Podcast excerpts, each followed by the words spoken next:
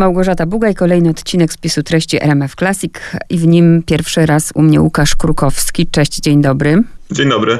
Łukaszu, 22 lata nas dzielą, e, ale ja się czuję cały czas młodo, więc e, tak jak zaproponowałam ci, mówmy sobie po imieniu. Nie wiedziałam o twoim istnieniu, przyznaję, i zdziwiłam się, kiedy dowiedziałam się, że to nie jest debiut, że ty już tam coś masz na koncie. Co tam masz na koncie, jeśli chodzi o pisanie? Mam dosyć dużo opowiadań, nie wiem ile, bo, bo musiałbym to sprawdzić. Nie przygotowałem się tak, no, no powiedzmy, że kilkanaście opowiadań w różnych tam antologiach, magazynach, głównie związanych e, z grozą i z fantastyką. I dwie książki w takim podziemiu, czy może raczej takich powiedzmy wydawnictwach, nie chcę mówić, że niszowych, tylko raczej branżowych, tak, ściśle związanych ze środowiskiem grozy i weird fiction. Jeszcze kiedyś to bym się teraz po prostu tu płonęła i wstydziła, że Boże, jak mi wstyd, że nie znam, że nie wiedziałam, ale teraz biorąc pod uwagę, ile tego wszystkiego wychodzi, jaka to jest liczba, która mnie czasem przygniata, tak dosłownie, wiesz, to, to cieszę się, że yy, i ty się też ciesz, że cię, wiesz, gdzieś wyszarpałam teraz twoją najnowszą powieścią,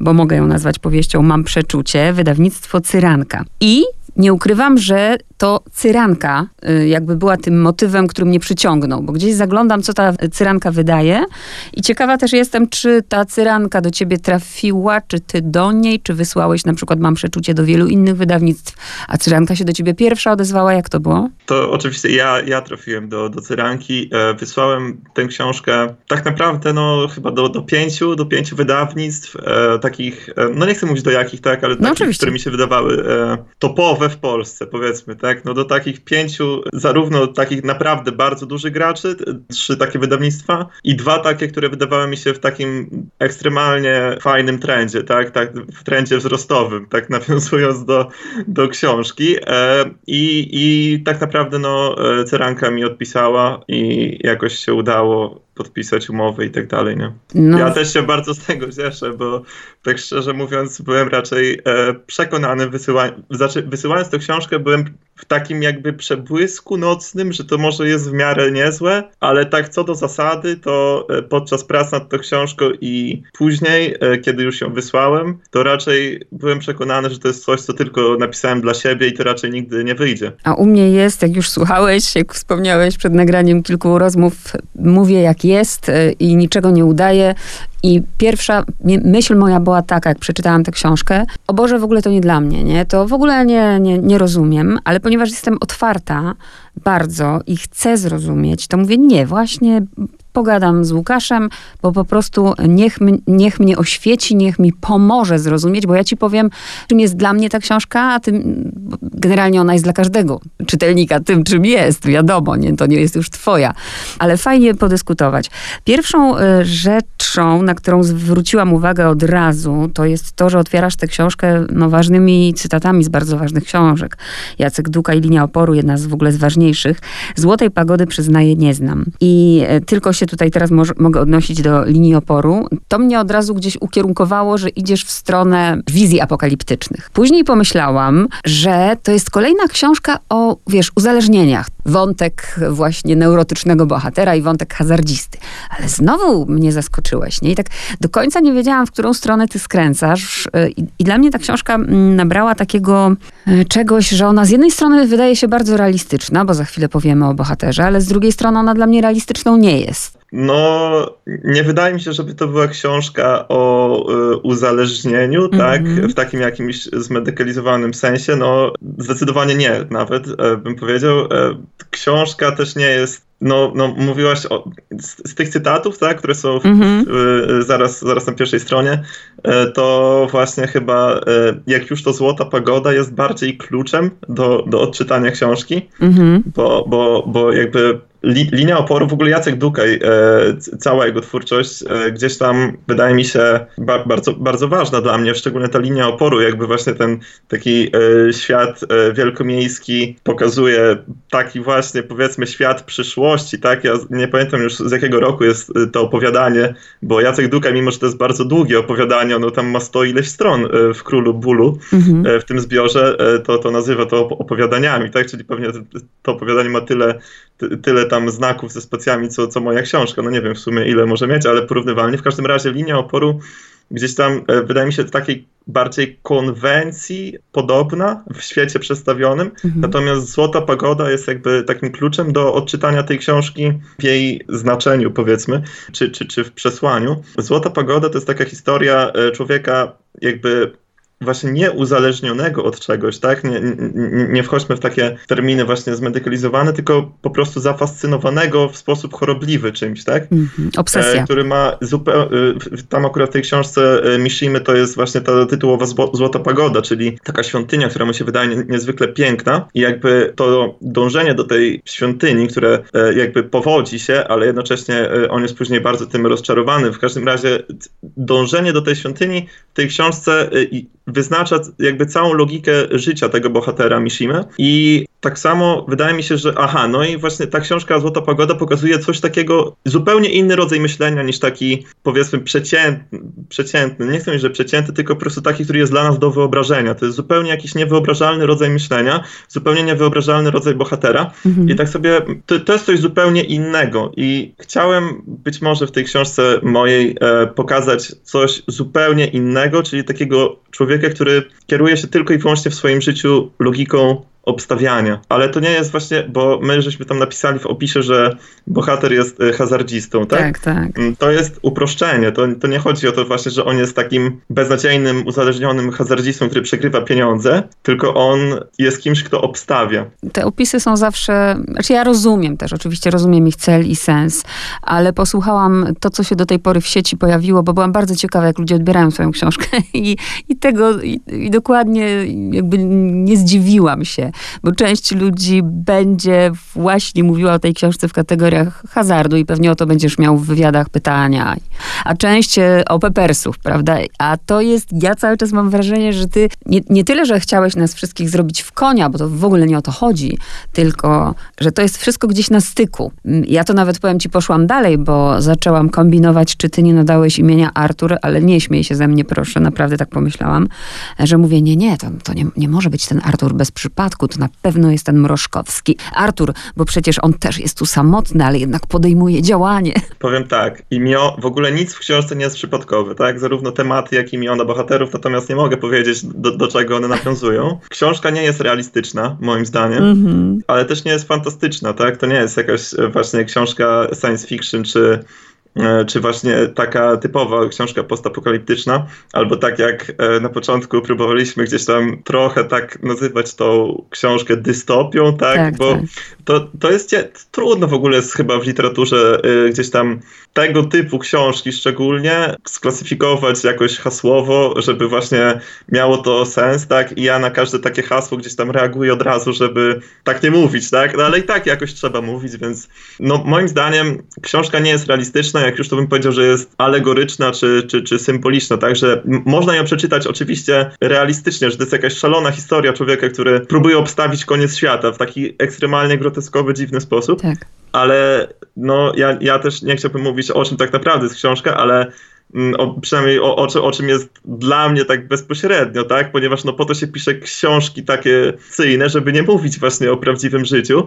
Wydaje mi się, że, że mm, książka jest przede wszystkim jakąś alegorią takiego e, czasu bardzo dziwnego. Mm -hmm. Mniej więcej od 2020 do 2021 roku, który się wiązał przede wszystkim z największą hossą e, kryptowalut w historii. E, podwójny szczyt na Bitcoinie w 2021 roku. Mm. To jest mniej więcej o tym książka. Też byłam zdziwiona, jak właśnie ta data się pojawiła. Wiesz dlaczego? Dlatego, że, bo mamy tutaj słuchaczom i słuchaczkom wyjaśnię 2020-2022, czyli powstawała ta książka przez dwa lata, a ja czytając ją miałam wrażenie, że to jest taki, wiesz, taki typowy strumień świadomości. Nie, książka miała bardzo wiele wersji. Była, ja nad nią pracowałem tak naprawdę przez, przez 3 lata, tak? Bo gdzieś tam w 20 zacząłem, czyli 20, 21 22, tak początek 22. Ona miała bardzo wiele wersji. Najpierw chciałem napisać tylko takie właśnie surrealistyczne opowiadanie, e, mniej więcej na podstawie tej pierwszej sceny, tak? E, bohatera, który chodzi po metropolii, kiedy rozbija mu się termos. Natomiast później gdzieś tam to się rozrastało. Pierwszą wersję całą w ogóle, która miała chyba powyżej 200 e, tysięcy znaków, to była taka bardziej nowela. Po prostu usunąłem ją, ona już nie istnieje i później zacząłem od nowa jakby to pisać. Później znowu od nowa to w ogóle nie był właśnie strumień świadomości. Wszystko, to, to może się tak wydawać, tak? E, natomiast to nie jest taka książka typu, że ja jestem tym głównym bohaterem, tak? I gdzieś tam spisywałem swoje jakieś te przemyślenia, tylko to jest wszystko bardzo e, wykalkulowane, mimo że może się tak e, nie wydawać. I to dobrze, że, tak się nie wydaje, ponieważ no książki tak się. Moje ulubione książki, przynajmniej ja tak czytam, jakby po prostu to właśnie wszystko była prawda, tak? Że to gdzieś tam autor w jakimś takim szale napisał, ale no wiadomo, że tak nie było. No w tym przypadku to naprawdę tak nie było. Książka no bardzo długą nad nią pracowałem i mimo, że jest bardzo krótka i też później w procesie redakcji się bardzo dużo zmieniło, no ale wydaje mi się, że ta wersja ostateczna jest, jest gdzieś tam e, najlepsza. Można jakby zaczepić się o mnóstwo rzeczy tutaj w tej książce i po prostu one mogą stać się polem do dyskusji. W jakim świecie żyje Artur? Co to jest za świat? No on żyje jakby w, w, w co najmniej trzech światach, tak? E, pierwszy, jakby jest ta pierwsza sekwencja kiedy żyje, w, w tak, mieszka w tak zwanej metropolii. On jakby, to nie jest jakieś prawdziwe miejsce, cały czas jest nazywane metropolią. W tej pierwszej części książki nie padają żadne prawdziwe nazwy ulic, ani tego typu jakieś y, realistyczne elementy. To jakby, czym jest metropolia, można sobie to wyobrazić, że to jest tak jakby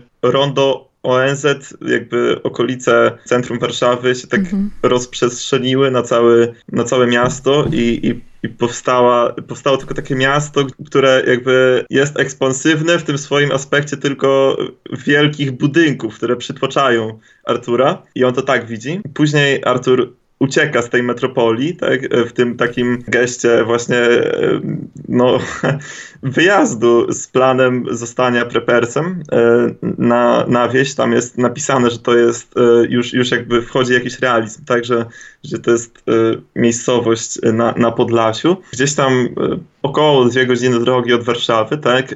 Nie jest napisane, jaka to jest miejscowość, w każdym razie jest to jakaś taka okolica bardziej wiejska, no ale to też jakby nie pada nazwa konkretna, E, wydaje mi się, że to jest taki wyobrażony po prostu świat, e, który ma być prymitywniejszym dla Artura i przez to lepszym niż, niż ta metropolia. Natomiast kiedy, tutaj nie spoilerując za wiele, ale kiedy jego działania i plany niezbyt się powodzą, to on wraca z powrotem do tej mhm. metropolii i okazuje się, że ona jest w jakimś stanie rozpadu. I wtedy jakby powracamy do tego świata, ale on jest już bardziej realistyczny, ponieważ ten element demoniczny, można powiedzieć, przestał istnieć mm -hmm. w mhm. metropolii. Mm -hmm. I tam się zaczynają pojawiać pewne, no nawet nazwy ulic, tak, e, tak. przynajmniej jedno. Tak. Dla mnie też jest ciekawe, co ty myślisz o Arturze jako, wiesz, czytelnik, nawet niekoniecznie jako kreator. Bo ja mam z Arturem taki problem, że y, tego, że my y, tak bardzo jesteśmy właśnie y, pogubieni w tym świecie, że właściwie nie umiemy, nie umiemy go w ogóle przeżywać, nazwę to na trzeźwo. Bo tutaj się przecież pojawiają konkretne nazwy leków i, i, to, i to są benzodiazepiny, jak na przykład estazola, gdzie się on, wiesz, odcina od tego świata. Ja się tak zastanawiam, mm, na ile on w ogóle wie, co to jest życie. Wydaje mi się, że bohater tej książki, to nawet trudno go nazwać prawdziwym człowiekiem, mm -hmm. tak? To jest mhm. jakaś totalnie odklejona jednostka, tak. która została właśnie ogarnięta w całości przez tą logikę obstawiania, czyli całe swoje życie on traktuje jak zakład. E, tak naprawdę no, bardzo podobnie do zakładów sportowych, ta, tam gdzie jest właśnie kurs i trzeba jakąś stawkę obstawić i, i ma się szansę na jakąś wygraną. E, przy czym to jest jakby po jakiejś e, tak zwanej analizie, tylko że nasz bohater, to nie jest tak jak w kasynie, tak, że jest to czysto losowe, tylko ma to jakiś czynnik losowy, e, tylko nasz bohater już jest na tyle odklejony, że on nawet nie wierzy w te analizy, tak, on, on to traktuje jako właściwie jakąś taką e, rozmowę z Bogiem, tak, jako taką jakieś, jako coś w rodzaju cały czas podążania za intuicją, be, bez analiz. Jest to dosyć jakieś takie e, właśnie odklejone, szalone działanie, ale wydaje mi się, że no, to nie jest zupełnie tak, że e, to jest coś wymyślonego, tak, wydaje mi się, że są ludzie, szczególnie to widziałem na własne oczy podczas tego zupełnie surrealistycznego właśnie rynku e, kryptowalut, jego e, zachowań w 2021 roku. No tam inwestowanie w, w cudzysłowie na, na tym rynku wyglądało mniej więcej tak, że po prostu mm, na Twitterze e, zaczynali coś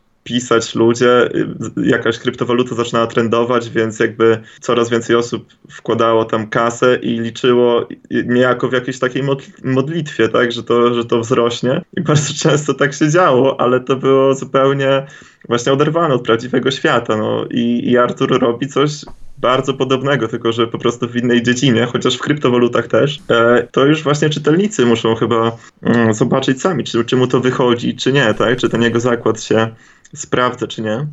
A powiedz, no to... ty jako autor, bo to też jest dla mnie bardzo, bardzo ciekawe, y, napisałeś książkę, wiadomo, że ona nie jest już twoja, nie? no bo oddajesz ją do rąk czytelników i, i dla ciebie na pewno jest interesujące, co czytelnicy myślą, ale jeśli idą właśnie w taką stronę, wiesz, bardzo, bardzo realistyczną, czyli mm, realistyczną, tak to nazwałam, Boże, jakby to było normą, właśnie, że jest to książka o hazardziście, że jest to książka o teoriach spiskowych, że jest to książka o PPR-sach, to ty się wtedy, y, nie wiem, zrzymasz, czy słuchasz tego z uwagą, czy na przykład masz w sobie taki bunt, że Boże, w ogóle o to nie chodziło mi. Że to jest o teoriach spiskowych, to, to pewnie słuchałaś tej rozmowy, tak, nie? Tak, tak, tak, tak. Bardzo fajna rozmowa. Ogólnie bardzo mi się ona podobała, też jej słuchałem i bardzo się śmiałem. Wydawało mi się to właśnie zabawne, tak? Jak tam właśnie czytelnicy, e, tak. dyskutanci w tej rozmowie mieli różne poglądy na ten temat. Oczywiście żaden z nich nie trafił. Tam tak. prawie w ogóle słowo kryptowaluty się nie pojawiło, tak? tak? Tak, Ta pani, która powiedziała tam o tych teoriach spiskowych, e, no tam jest jakby jeden taki fragment, który właśnie do tego pije, tak? Że nasz bohater tak się zapętlił jakby w, w tym myśleniu takim próbującym intuicyjnie zrozumieć świat, że on już właśnie w takie spiskowe tony uderza, ale no to nie są główne tematy, ale bardzo to jest ciekawe, tak, no jak w ogóle się nie, jakoś nie, nie, nie mam w sobie czegoś takiego, że żebym się jakoś przeciwstawiał takim interpretacjom, wszystko bardzo ciekawe. No wiadomo, że nikt mi nie siedział w głowie, tak. Mm -hmm. e, chociaż Wojciech Gunia e, dał bardzo taką, wydaje mi się, że bliską tego, co chciałem przekazać, no nie powiem, że egzegezę, tylko właśnie taką interpretację tej książki w swojej recenzji na zupełnie inną opowieść. No ale tak szczerze, to może właśnie nawet ciekawsze jest e, słuchanie takich opinii zupełnie różniących się od tego, co chciałem w książce zawrzeć. No gdzieś tam to wszystko jest takie, też to jest dla mnie tak nowe, tak, bo te poprzednie książki czy jakieś opowiadania to w ogóle jakby ich zasięgi były znacznie mniejsze, tak? A teraz mogę sobie właśnie słuchać takich recenzji czy, czy, czy e, opinii, e, jakichś nowych interpretacji tej książki dla mnie to jest bardzo fajne. Ty właśnie mówiłeś, że nie pojawił się ten e, temat kryptowalut. Na przykład dla mnie to jest zupełnie obcy świat, nie? Kryptowalut, bitcoinów, w ogóle nic o tym nie wiem. Dlatego ja czytając to nawet, nawet pewnych rzeczy nie rozumiałam, ale z kolei e, czytałam tę książkę przez to, co ci już powiedziałam, właśnie realne, nierealne, e, rozum kontra uczucie, właśnie przeczucie. Bardzo bliski jest mi fragment, to jest chyba jeden z moich ulubionych fragmentów, jak on mówi o tym, że jest to już już zaawansowana apofenia, ale mniejsza z tym, e, bo to jest mi akurat bliskie, nie? Więc tak jak no mówię, tak. Ka każdy będzie czytał dokładnie przez swoje doświadczenia. Ty byś, e, myślisz, że ta książka trafi do, no właśnie, do jakiej grupy docelowej, jak myślisz? Do, chodzi mi o wiek. Nie wiem, ja jestem strasznie słabym marketingowcem.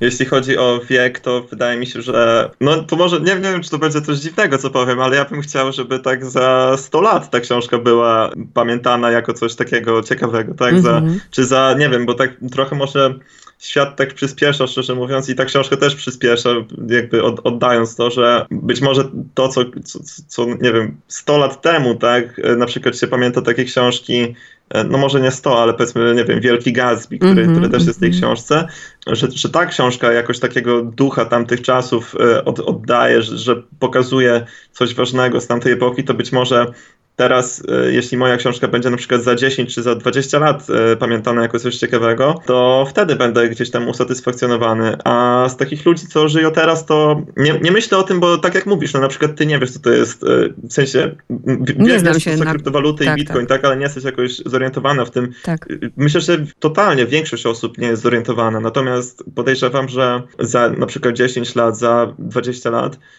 te tematy e, będą bardziej rozpowszechnione. Przynajmniej no, to jest trudno przewidzieć, tak? E, bo też mogą być jakieś regulacje, to może być w ogóle zdelegalizowane czy coś, ale ja mam takie przeczucie, że za 10, za 20 lat tematy w ogóle blockchainowe będą bardziej rozpowszechnione i ta książka będzie jako taka pierwsza książka, która coś takiego w ogóle Wyprzedziłeś pokazała epokę. mechanikę pewnych pewnych, powiedzmy, nowych rynków spekulacyjnych. No nie wiem, jak to mhm. nazwać, ale to by była dla mnie satysfakcja.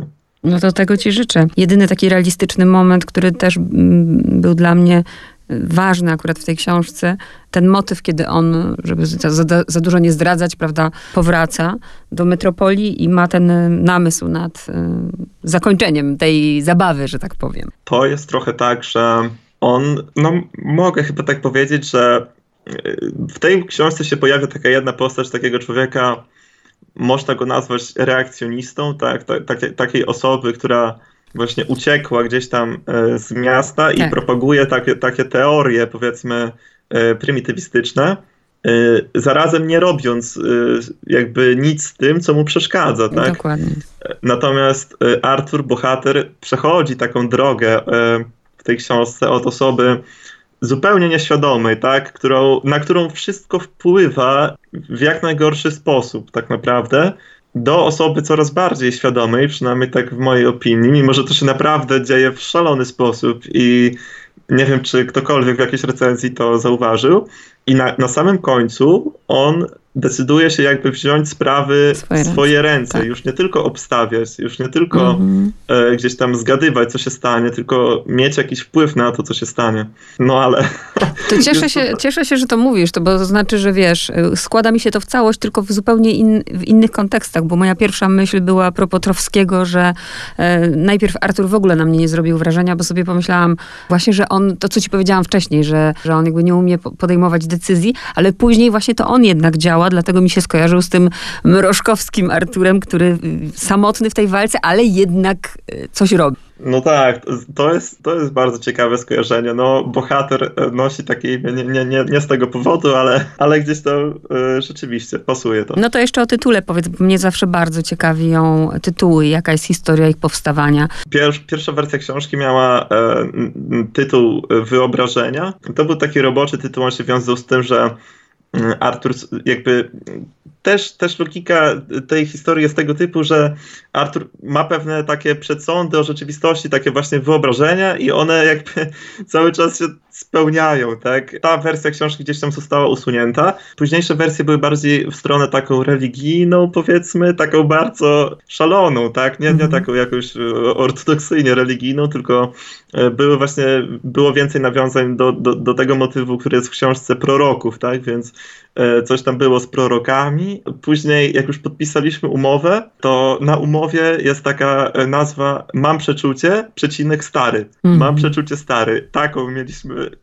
nazwę nadać tej książce. Ja nie wiem w ogóle, czy mogę o tym mówić, ale dobra, może mnie tam nie ten, e, nie, nie, nie, nie pocisną, nie, za to, że, że, że mówię o tym. Ja to wymyśliłem, bo to jest taka fraza, którą e, Marcin z tej książki, kolega mm -hmm. Artura, do, do niego mówi w kluczowym momencie, tak, tak, bez którego nic by nie było, a Marcin jest właśnie tym prawdziwym prorokiem, tak. osobą taką bardzo zmęczoną życiem, odczuwającą ciężar i trudy tego świata tak naprawdę całego i on właśnie mówi do bohatera, że mam przeczucie stary, że krypto wzrosnął, tak, żeby się załadować w to i żeby e, wyciągnąć potem z tego kasę, no to jest coś bardzo dziwnego i wydaje mi się takiego tak kluczowego do całej tej książki, w ogóle to jest taka ciekawa fraza.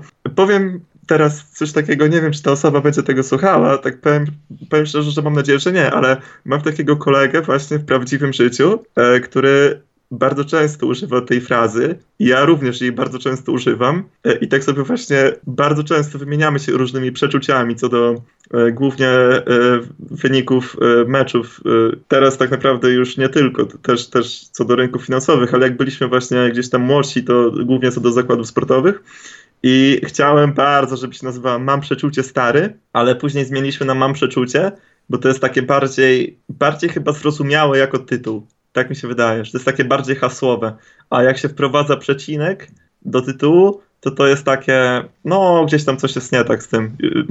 Ludzie mogą tego nie zapamiętać jako tytuł. Dlatego powiedziałam ci, ten cytat, który tobie przywołałam, y, jest mi bardzo bliski, ponieważ też używam tego często, aczkolwiek drugi jest jeszcze, że um, kiedy wszystkie mechanizmy obronne puściły, to stałem się w końcu trzeźwym człowiekiem, nie prorokiem. To jest właśnie zabawne, bo to drugie, co, co mówisz, to on, no, trudno powiedzieć, żeby on się stał no tak. trzeźwym człowiekiem, tak? Wtedy, kiedy to mówi. Jest dokładnie na odwrót, ale już nie chcę spoilerować. Jesteś już po spotkaniach autorskich w bibliotekach, takich miejscach? Byłem na spotkaniu autorskim w najlepszej księgarni w Warszawie. Ciekawi mnie też właśnie, jak, jak, jak już czytelnicy później, bo, bo prowadzący tam, prawda, zadaje pytania, a potem, potem czytelnicy podchodzą, czytelnicy mówią, dzielą się. To bardzo jestem ciekawa, w którą stronę idą e, te głosy właśnie. Jakie, jakie ty pytania dostajesz? Na spotkaniach to nie wiem, ale taki generalny feedback, bo też śledzę wszystko. Nie dlatego, żeby się tym jakoś, żeby jakoś to sobie brać do siebie, albo sugerować się tym przy następnej książce czy coś, ale mm, czytam wszystkie możliwe te recenzje i te, też parę osób mi pisało na, na priv różne rzeczy. Wydaje mi się, że właśnie jest tak, taki cały, całe takie spektrum jest od czytań tej książki. Jedne to są takie bardzo e, zaawansowane filozoficzne analizy, tak jak właśnie Wojciech Gunia zaproponował. To mi się bardzo podoba i e, powiedzmy, że na drugim końcu tego spektrum, że to jest jakaś taka historia właśnie o szalonym gościu, o prepersach i teoriach spiskowych. Wszystko, wszystko mi się jakby tak samo podoba. Bardzo, bardzo są ciekawe rzeczy, co, co ludzie piszą. Nawet jeśli się komuś nie podobało, to, to, to zazwyczaj mi się bardzo, jakoś jestem tak zainteresowany tym, tak, dlaczego się komuś nie podobało, więc jakby no, dla mnie jest wszystko, wszystko jest w porządku tak naprawdę, co ludzie sądzą o tej książce. Tak jak mówię, zobaczymy dopiero jaki jest taki prawdziwy odbiór, kiedy trochę jakby czasu upłynie, nie wiem właśnie ile lat, ale no myślę, że tak, no wtedy, tak, za, za, za te 10 czy za 20 lat, mam nadzieję, że będziemy wtedy jeszcze żyli, że nas nie, nie rozwali jakiś e, kataklizm. Zobaczymy, tak, czy ta książka była fajna, czy nie. Jakby dzięki tej twojej książce trochę się otworzę na te tematy, bo to tak samo jak jest z fantastyką, nie? Czasem miałam tak, że nie, nie, ja, tej, ja czytam, bo czytam bardzo dużo, ale nie, nie, tego, tego to ja nie czytam, to nie jest dla mnie. A staram się teraz to zmieniać w takim sensie, żeby się nie zamykać w swojej bańce, nie? Tylko właśnie otwierać, więc na pewno dzięki twojej książce bardziej zainteresuję się światem, o którym do tej pory nie miałam pojęcia. No to super, ja właśnie głównie chyba po to, po to czytam, nie? Żeby właśnie e, poznać jakieś nowe rzeczy, czy, czy nowe e, sposoby myślenia. No, z fantastyką nigdy nie miałem problemu. Właśnie większość rzeczy, które czytałem, e, to była fantastyka, najpierw fantazy, później horrory, tak, e, i weird fiction, co, co też w tej książce widać. To A super. ja widzisz wychowana na XIX-wiecznych powieściach realistycznych, nie? Okej, okay, to, to w sumie też ja czytałem jakiegoś tam e, Dostojewskiego i ten, to też w sumie trochę w tej książce jest takich wątków tak, tak, tak. Tego typu, tak, takich jakichś ostatecznych. No, mam nadzieję, że połączyłem jakieś te, te stylistyki, właśnie takie, powiedzmy, tą realistyczną z tą bardziej szaloną czy fantastyczną. Bardzo ci Ci dziękuję za rozmowę. Bardzo dziękuję.